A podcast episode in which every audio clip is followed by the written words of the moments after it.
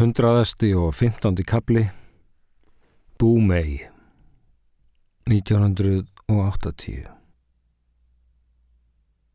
Ég greti fjórar vikur, lá í bælinu allan júlimánuð hand ónýtt manneskja. Ekki var það þó ekki sorg og ekki sagbytt morðingjans. Allir ég hafi þar ekki grátið lífið mitt. Jón í móðarkoti kom til að líta eftir mér blessu sér minning hans. Hann var símalauðs en sítengdur við sannleikan og tíman þetta tvíeiki sem tífar í klettum landsins, öllum opið og kostenlós. Svona var það fólkið í djúpinu, það þurfti ekki landsíman á meðan það hafði innsíman. Jón kom alltaf þegar mér leið sem verst. Bankaði tvísvar og gekk síðan inn á sínum hljóðlausu gummiskóm. Yfir skilvitur maður sem lyktaði af fægilegi, æða sprungin í vöngum og nefi en fölur annars með niður síða efrivör og tentur eins og sögkind. Hann spurði aldrei neins en satt yfir mér á meðan ketillin starfaði. Skildi svo eftir heitan botla á náttborði með melróses merki í hálfblöytu snæri. Hann var kallaður Jón í óðagoti sögum þess hver hægengur hann var og sett til svars. Ef spurt var að hausti kom svar að vori. Ég held ég fari með það rétt að hún hafi verið Jósefsdóttir. Röttin var mjög nákvæm eilitið kvenleg. Ég gaf ekkert upp um dauða mannsins annað en rom og ruggl og engan áttu þeir derrik vestur á Ísafyrði. Þetta var allt svo þægilega frumstætt í þann dag. Engin slægði víkina eftir bissu og blóðugum steini. Engin mætti með krupningarskíslu og krafðist svara. Fólk þekkti bæring, vissi hvaðan hann kom og hvernig hann færi. En hvort ég drap hann veit ég auðvitað ekki. Hvort hann var ekki degjandi dauður fyrir veit ég ekki. Hvenar drefur kona mann og maður konu? Ég hafði mig þó út í Bólungarvík til að jarða bólan. Presturinn í djúpi var reyndar landsfrægur jarðsetjar í lík gladur maður sem leita á það sem hlutverk sitt að koma sem flestum soknarbörnum sínum inn í Guðsríkið. En hann var líka frægur fyrir að setjast upp á ekkjurnar. Uns allar flöskur á bænum voru tendar, svo ég snýri mér annað. Við sátum þarna tíu konur og tveir drengir í kringum hvita kistu. Áhöfnin á Vesta sendi skeiti, dóttirinn Lilja greiðt sáran, pappi skrifaði um hann í mokkan, hafði þó aðeins hitt hann tvísvar. Hann og mamma tóku drengina söður í nokkrar vikur á meðan ég lá í tárasóttinni. Að lokum varði ég að hafa mig á lappir því sennir þið sumar að husti Óli og Maggi komu aftur vestur og með þeirra hjálp tókst mér að heia nóg fyrir veturinn og skjáturnar 15 sem örðu mín besta sálu hjálp er skólinn hófst og ég varð aftur einn. Fátt er sálinni hotlara en það að hugsa um skeppnur. Vetur gekk í garð og lífið varð ljúflega einfalt. Ég fór á fætur með byrtunni og því alltaf mínútur setna í dag en í gær. Gengdi rollum, gaf mér að borða, greip í bók. Dundaði við sláturgerð og eldaði mér kjötsúpur sem hendist í tíu daga. Vaskaði ekki upp í heilan mánuð. Um klukkan sjö, um sex, um fimm var byrtan búin og ég sparkaði ljósa vel í gang. Á kvöldin lág ég í rúmi og hlustaði á Jón Haraldsson arkitekt tala um dægin og vegin eða Björn T.H. Björnsson í þætti sínum á hljóðbergi en stundum lág ég bara og let hugan reyka aftur til Bobs og bellibræðana hans, niður til Amrum og heim í gamlu gunnubúð. Vélar hljóðsins vegna og smæðar herbergis leið mér þá laungum líkt og í káetu, um borði skipi á leið inn lengsta fjörð á Íslandi, í var. Símin var svo elskulegur að þeia vikum saman, Þótt mamma sálug hafi ringt stöku sinnum til að aðtöga hvort ég geti sagt halló og flytja mér frettir úr borginni. Lóni frænka bang bang hafði haldið upp á áttræðisammali sitt en sískinni pappa, þau sem enn livðu, neituðu að mæta þar sem hún hafði ekki bóðið honum. Skömmu eftir að amma Georgia dó í september 1958 hafði söngfrúin tekið upp á því að flytja til Íslands og bjóðum þessar myndir í leikarakjallara í Reykjavík þar sem hún tegnaði minningu fórsetta síns og kendi sjálfur í Björk og öðru tímans brumi söng og sviðsframkomu og let litla borgar elítu mæra sig með munnstútum og menuett sporum. Það var nú aldeilis. Í oktoberlokk varð ég síkartulaus og var búin að gleima því forna fykti er kartónið komloks með bílnum mánuði síðar. Þá rann það upp fyrir mér að ég hafi fundið hér alveg nýja tegund af sælu, fábreytt líf. Á miðri æfi hafði mér verið gefið andlegt frí. Loksins var ég laus við börn og menn og laus við þessa svipu, þetta keiri sem fylgir daglegu lífi í nútíma samfélagi Í borgunum er engin maður sæll nema ræsismenn og rónar. Var ég þá bara sveitakona eftir allt mitt heimsins bröld. Eitt kaldan þrýðudag á aðvendunni bilaði svo ljósavélinn. Þögnin var mér velkomin en myrkrið umkringdi bæin eins og hersveit og afleiðingarnar kom mér í opna skjöldu. Skindilega skaut gamall draugur upp sínum grútar kolli. Vélstjóri lífsmýns var ekki alveg döður. Á aðeins nokkrum klukkutímum hrundi ég niður í svartnætti og djöfuldóm. Mér fannst að vera komin aftur og átti vona á bissulaupi innum rúðu hvenar sem var. Ég varð ofsa hrætt við myrkrið og let kerti loga í hverju horni. Þó gæti ég ekki sopnað. Þó þögnin og kyrðin væru alger var höfuð mitt að springa. Það var sem allar nauðganir undanfærin ára stiftust yfir mig í einu líkt og hundrað nábleikar leðurblökur berjandi mig innan og utan með göttóttum vangjum og glefsandi í mig smátendar.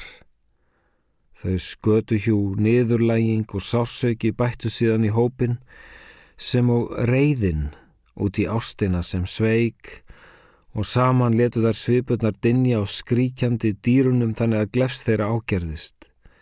Í gegnum ósköpin heyrði ég þó skurk fram í eldhúsi þungan ding Var hann komin inn? Var hann gengin aftur? Nei, það var dingur, það var dingur, það var dingur inn. Allt í hennu byrtis mér lítil telpa, byrtis mér telpan mín, sáluga ástkæra elskan mín, barnið mitt, sem dó á þröngri götu í öðru lífi.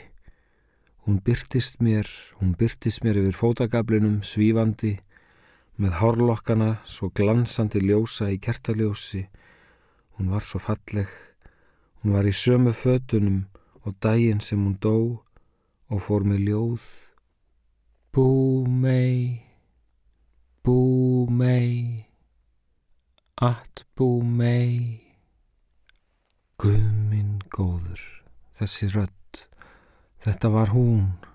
Þetta var hún, ó, elsku barni mitt, engilli minn, ó, svo falleg, svo ljós og svo bláegð, blómei, blómei mín, en samt svo draugaleg, svo ansir hreint draugaleg, já, svo næstum, næstum því ellileg, telpa sem verið hafið þryggja ára í þrjátjú ár og var að segja nafni sitt, já, hún var að segja nafni sitt, búmei, en var svo farin, att búmei. Ég lá eftir með sælur holl, heitt vatn fór á milli skins og hörunds og ég fylltist ró og friði, sopnaði spaklega hálftíma síðar, dreymdi rósabeð og mjúka rólu. Hún hafði aldrei byrst mér áður og satt að segja var það gott. Hún bjargaði mér frá bráðasturlun, Guðminn góður og ég sem aldrei trúði á neitt sem svífur. Dægin eftir kom Jón. Ég var að rjáttla við fjárhúsliðið og fann augun vaknaðar ég sá hann koma eilitið bógin og gangandi yfir blindhæðina. Var næstuð því rókin á móti honum til að faðma hann hitla karlinn en þótti það helst til ódjúbleg hegðun og beigð hans við hliðið. Augun voru orðin vel þurr er hann náðin loks til mín. Góð dægin, sæl. Við stóðum nokkra stund í snjómuggunni, úti á gráu djúpi var fagranesið á leiðinn þennan lengsta fjörð á Íslandi. Er vesin á vélinni? Spurði hann loks og fótsamaði sig í áttað skúrnum. Já, heyrður þegar hún gafst upp í gær, sagði ég og eftir honum út úr úlpunni. Hann svaraði ekki fyrir en tveimur tímum síðar eftir að ljósavélin var afturkomin í gang og við vorum sestin í eldhús. Nei, nei, ég er nánast hættur að heyra neitt að viti. Smám saman náði ég tökum á tilverunni. El hombre hvarf hægt úr huga mér en svo skítugur skabl úr fjálslýð. Loks var aðeins sandkápa hans eftir í grænu lingi og liggur það reyndar enn. Ég hjælt kyrru fyrir í Sefnavík, bjóð þar í þrjú ár til viðbótar. Halli var horfin mér að mestu. Hann var komin í samband við alvöru lífsins, þau byggu á melunum og ringdu vestur á jólum og páskum. Þá voru þeir litlu kongar, Óli og Maggi yfirleitt hjá mér sem á, á sumrin, annars var ég einn. Ég hafði ekkert að gefa litlum greiðum, annaðist þá líkt og særður læknir sjúkling og beigð þess eins að geta sendt á aftur frá mér. Þetta var einhver blanda af einsælu, útlegð og afplánun og sjálfsagt er þessi skúrvera mín eins konar fangavis líka. Ef dómskerfið næri ekki tilmanns þá sér maður um þetta sjálfur. Annars þverneita ég því að vera morðingi. Ég er engin helvitis morðingi. Sá sem hefur verið drepinn þúsund sinnum fær engan drepið. Eftir á að higgja voru þessi ár mín í kyrð og innveru djúpsins einhver þau bestu sem ég hef lifað. Fyrst fann ég næjusemina og síðan friðin að minnstakosti vott af þeim friði sem ég hafði séð glampa á í augum einbúans á hjöllum er hann lætist inn í matarskúr í skötu fyrir því mörgum árum fyrr. Hinn sorglega neðurstaða lífsins er því svo, lífshaminguna fær maður ekki frá öðru fólki heldur með því að halda sig frá því. Þess vegna líður mér svo óskup vel hér í skúrnum. Hundraðasti og sextándi kapli Seglagerðin ægir 1984 Hvað gerði ég eftir árin minn í djúpi? Ég flutti söður og... Nei, nú kemur hún lóa mín, blessuninn. Hvað gerður þú svo í gerðkvöldi? Í gerðkvöldi? Ég, ég var bara heima og horfa sjónvarpi með mömmu. Við horfum alltaf saman á bráðavaktina. Uss, þú ættir heldur að koma þér austur til Afganistan og sinna konunum þar. Það er svo gott að komast í stríð þegar maður er ungur. Ég held nú að mamma er ekki ánað með það. Uss, það vallar maður gott að því að sjá eftir börnunum sínum. En ég er nú bara eina barnið hennar. Já, þú ert heppin. Þú voru bara muna eftir lífinu, Lóa mín. Það er svo miklu skemmtilegra að lifa því en horfa á það. Hún gefur mér lifin og síðan læti ég hann að mata mig þykist vera slöpp. Ég nenni ekki að móka þessu í mig, er orðin leið á matvælum. En nú kemur senna því að ég get farið að sleppa slíkri innbyrslu. Aðvendan er á næsta leiti með sínum fagra fjórtánda. Klukkan 13.30, sagði hún stúlkan á bálstofu Íslands. Já, hvað gerði ég eftir árin mín í djúpi? Ég flutti söður og setti stað með dundi mínum og dívan í forkastanlegri blokkar íbúð á Kaplaskjólsvegi. Vildi vera næri Halla á melónum og Óla sem fremur kaus að leia hjá bróður sínum en búa fritt hjá móður sinni. Ég sótti vinnu út á Granda, satt þar og saumaði bókald í seglagerðinni ægi. Ég taldi mig þurfa að gjalda fyrir það skarð sem ég hafði höggvið í sjómanastjettina en þá reyndust þeir góðum en laungu hættir að þjónusta sjóskip og voru nú farnir í útilegu með allan sinn rekstur. Tjöld, himnar og hjólhísi, það var mitt fag um margra ára skeið. En svei mér sem er kallt á þeim granda og kvast í þeim vesturbæ og leið mér það löngum líkt og lúsi skeggi drottins að eilifu föst undir kalda blæstrinum úr þeirri nösans sem nefndir kvalfjörður. Setna fluttu við inn í voga og fundum skjólið. Maggi fór í mentaskólan við tjörnina sem þá hafi verið fluttur þangað án tjarnar. Þar gerðist ég gardirkju hæna og kokkaði í beð með slæðu og höfði og glattist yfir græningum úr mold. Við byrjum lífið á því að láta okkur dreyma um gull og græna skóa og endum á því að gleðjast yfir einu tré. Um það snýst vist öll okkar tilvera að höggva niður drauma. Að losa sig við allt sem aður vildi og allt sem aður fjekk. Nú ligg ég hér með eitt egg eftir. Ég gleymi að segja frá því. Þegar ég varpaði sprengjunni að bæringi hafði hún lent á stíugólfinu, bombast þar út í horn. Hvar Jóni móðarkoti fann hana fyrir mig og færði mér á sorgarseng. Hann tók hana fyrir karbúrator en ég leiðrétti og sagði þetta rústneskan vasapela sem bæringur minn hefði fundið í steinbítsmaga á halamiðum og þótti væntum. Á, já. Innsiglið var af og hún var sjálfsagt ónýtt, útrunnin eins og mjölkurostur frá 42. Satt að segja var ég hálf niðurbitin yfir því að hafa aldrei notað hana, fengið að sjá hana skína en nú er hún aðlegan mín og lífið sjálft. Le seul souvenir de ma vie turbulente.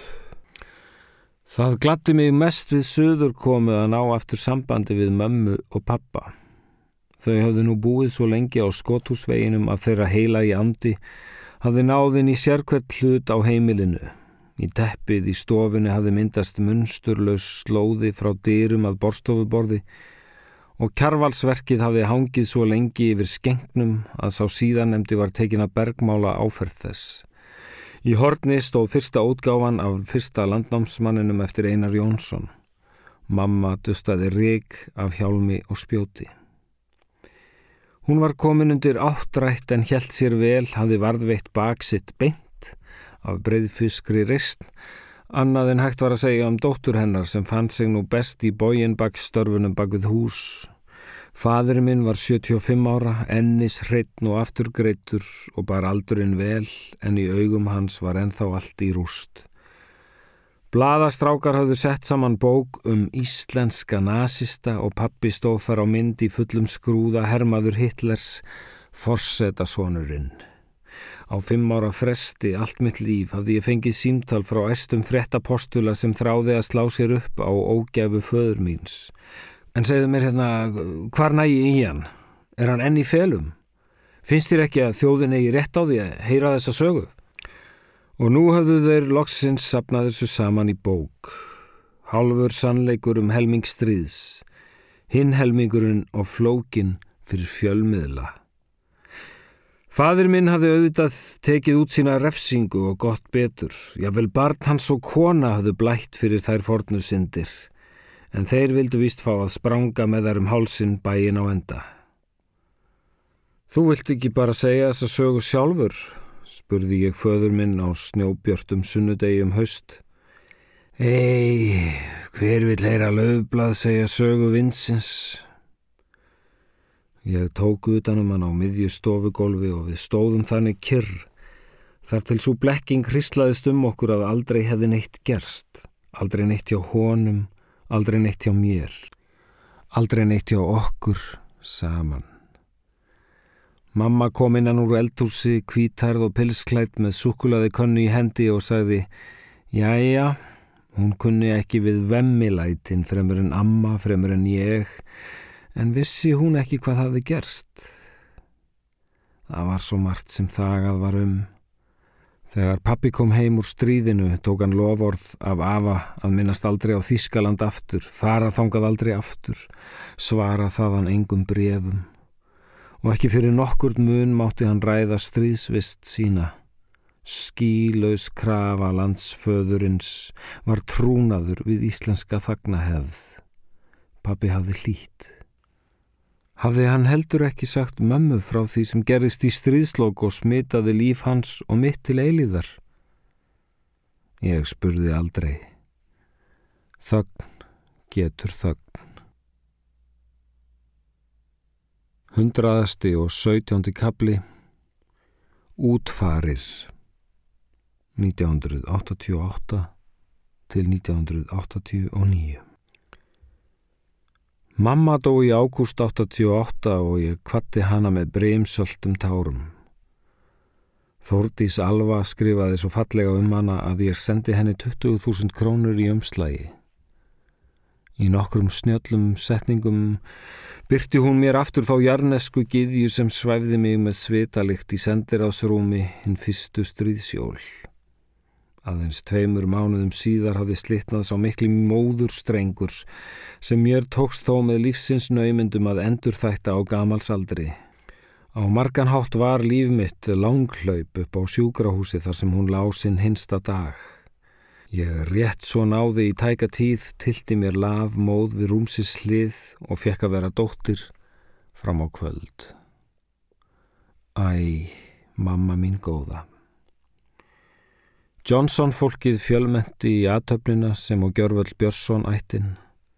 Ég hafði ekki áttað mig á því hversu fín og mikil frú mamma var orðin fyrir en ég leit aftur í kirkjuna og held eitt augnablík að ég sæti í rángri útför að hér væri jörðuð einhver Íslands eigandi aðalsmær af ægisíðu en kom síðan auga á stöku andleitur breyðafyrði veðurbarðar eigjar í hafi púðurs og pelsa. Ég leti pappa heim úr erfinu og upp tröppurnar á skotusveginum. Honum tókst að koma likli í skrá en hnið niður á þröskuldin. Ég þurfti aðstóð nágrana við að koma honum inn í rúm og settist síðan við hlið hans, tókum hristraða hönd og hjælt í hana í heila tíu mánuði, las fyrir hann blöð, setti plötur á fón og fór með þann schiller sem ég kunni, festgem ávart indir erden, stedi form ás leimgebrant. Af og til lifnaði á málstöðinu og hann umlaði eitthvað um ungu ljónin sín. Þeir voru hansi margir í, í unga, unga löfen. Það var næst vesta minningin hans úr stríðinu. Hann hafði hægt að reykja fyrir mömmu eftir að þau náðu saman aftur en ég fekk hann til þess að byrja upp á nýtt. Gaf honum súb af mínum rettum. Það sást að hann nöyð þess þótt hann væri úr heimi horfin. Eitt sinn hafði ég Hitlerseggið meðferðis og lefði honum að handfjalla. Hann helt á því heilan hálftíma og spurði loks um næstu lest til Berlínar. Hann fór á björtum júnidegi löst fyrir kvöldmatt, á tjörninni dróðu svanir ský fyrir sólu. Ég satt með honum einn og reyndað hveðja hann í sátt en það var svo einkennilegt um leið og andin var af honum þyrluðust upp í mér færtugar hugsanir. Hafði þessi maður ekki með ráðaleysi sínu raungum ákvörðunum og látlausu ólukku þambi haft fullmikil áhrif á líf mitt. Glöð hefði ég gengið um lífið föðurlaus en í stað þess satt ég uppi með einn þrý einan því atvikin höguð því svo að hann varð á endanum allt í senn, fadri minn, sonur og heilagur vandi og þó var þetta sá maður sem ég gerði hvað mest fyrir um dagana. Það þurfti heilt hjarta til í þá miklu sátt og því var lítið afgangs að þeirri steik. Ég er konan sem eitti lífi sínu í að reyna að elska mannin sem tók af henni ástina. Mæn fater, mæn fater. Ég skipulaði mátulega fjölsóta útför og stóð ramköld á gravarbrún, sendi 600 ólíkar tilfinningar með kistu niður í mold. En það var ekki fyrir en ég kom að gröfinni tveimur vikum síðar að tárin týndust fram. Ég sá sem var, það hafi verið mókað yfir fortíð mína. Hún var horfin sjónum. Ég gati ekki grublaði í henni meir. Þá fyrst þegar foreldramanns eru látnir getur lífið hafist og ég fekk að njóta þess í heil þrjú ár þar til læknar hvaðu upp yfir mér dauðadóm vorið 1991. Hundraðasti og átjándi kapli Eija stúlka 1990 Ég reyndi að nota tíman og gera eitthvað fyrir sjálfa mig. Í naklassinu eftir mömmu fann ég þrjú bref frá eskuvinkonu minni, Maike. Hún hafði skrifað mér með tíu ára millibili og í allri minni útvist hafði umslögin endað hjá mömmu. Elsku gamla vinkona, Oft á tíðum kvarlar hugurinn til þín og ég velti því fyrir mér hvar og hvernig líf þitt hefur liðið. Ég fekk auðvitað dundrandi sagbít yfir lestrinum. Mér fannst ég hafa valdið henni þessum líka ægilegu vombriðum. Þegar ég leitt tilbaka sá ég sem var að ég hafði kól klúðrað þessu verkefni sem okkur hafi verið sett fyrir af fröken Ósinga á sínum tíma. Við vorum tvær vinkonur sem hlupum saman út í lífið.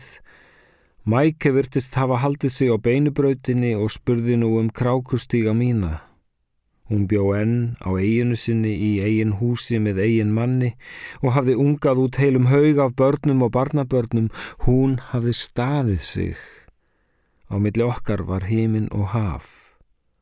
Uns ég sneri aftur í norður þorp á Amrum, það var á árdegi minnar elli. Himinin var eins og hollenskt málverk og Mæke kom til dýra í rauðu múrstenshúsi næri kirkjugarðinum, helsaði mér á þísku og fekk ekki dölið vonbrygða höggið sem andlit mitt gaf augum hennar. Sæ barinn af lífsins sjó með tóbakskula fingur og þingulegt hár kom ég til hennar, hennar sem lífið hafði varðveitt líkt og stás í skáp. Andlit hennar var ósnert af öðru enn tíma.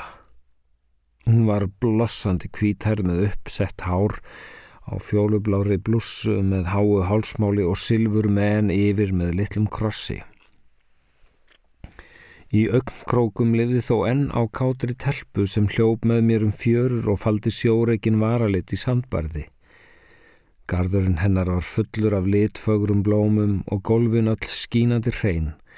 Í stofu stóðu hamingi bólstraðir stólar.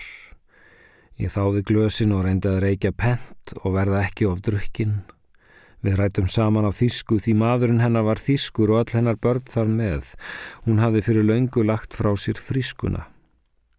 Hann var stríðinu eldri en hún, óvenju viðsýn optíker sem leið fram hjá bókahillum fölur á húð og virtist jafnlangt frá helvíti og brosið hennar lóu en teimti auðvitað á eftir sér heila halarófu af grákvítum gýðingavofum. En þú, giftið þú þig ekki? Spurði hún. Jú, jú, allt of oft. Það skapa vist engan meistara æfingarnar þær. Mér varð snöglega að hugsa til allra minna Jóna heima og heimann og uppgötaði mér til undrunar að þeir voru látnir allir sem einn. Nú sátu þeir saman á Hafnarkrá í himnaríki með sögur og snafs, en meistari Jakob hafður út í gætt að gá eftir henni mér. Þessi síðdegi með mæki voru mikið dýrmeti.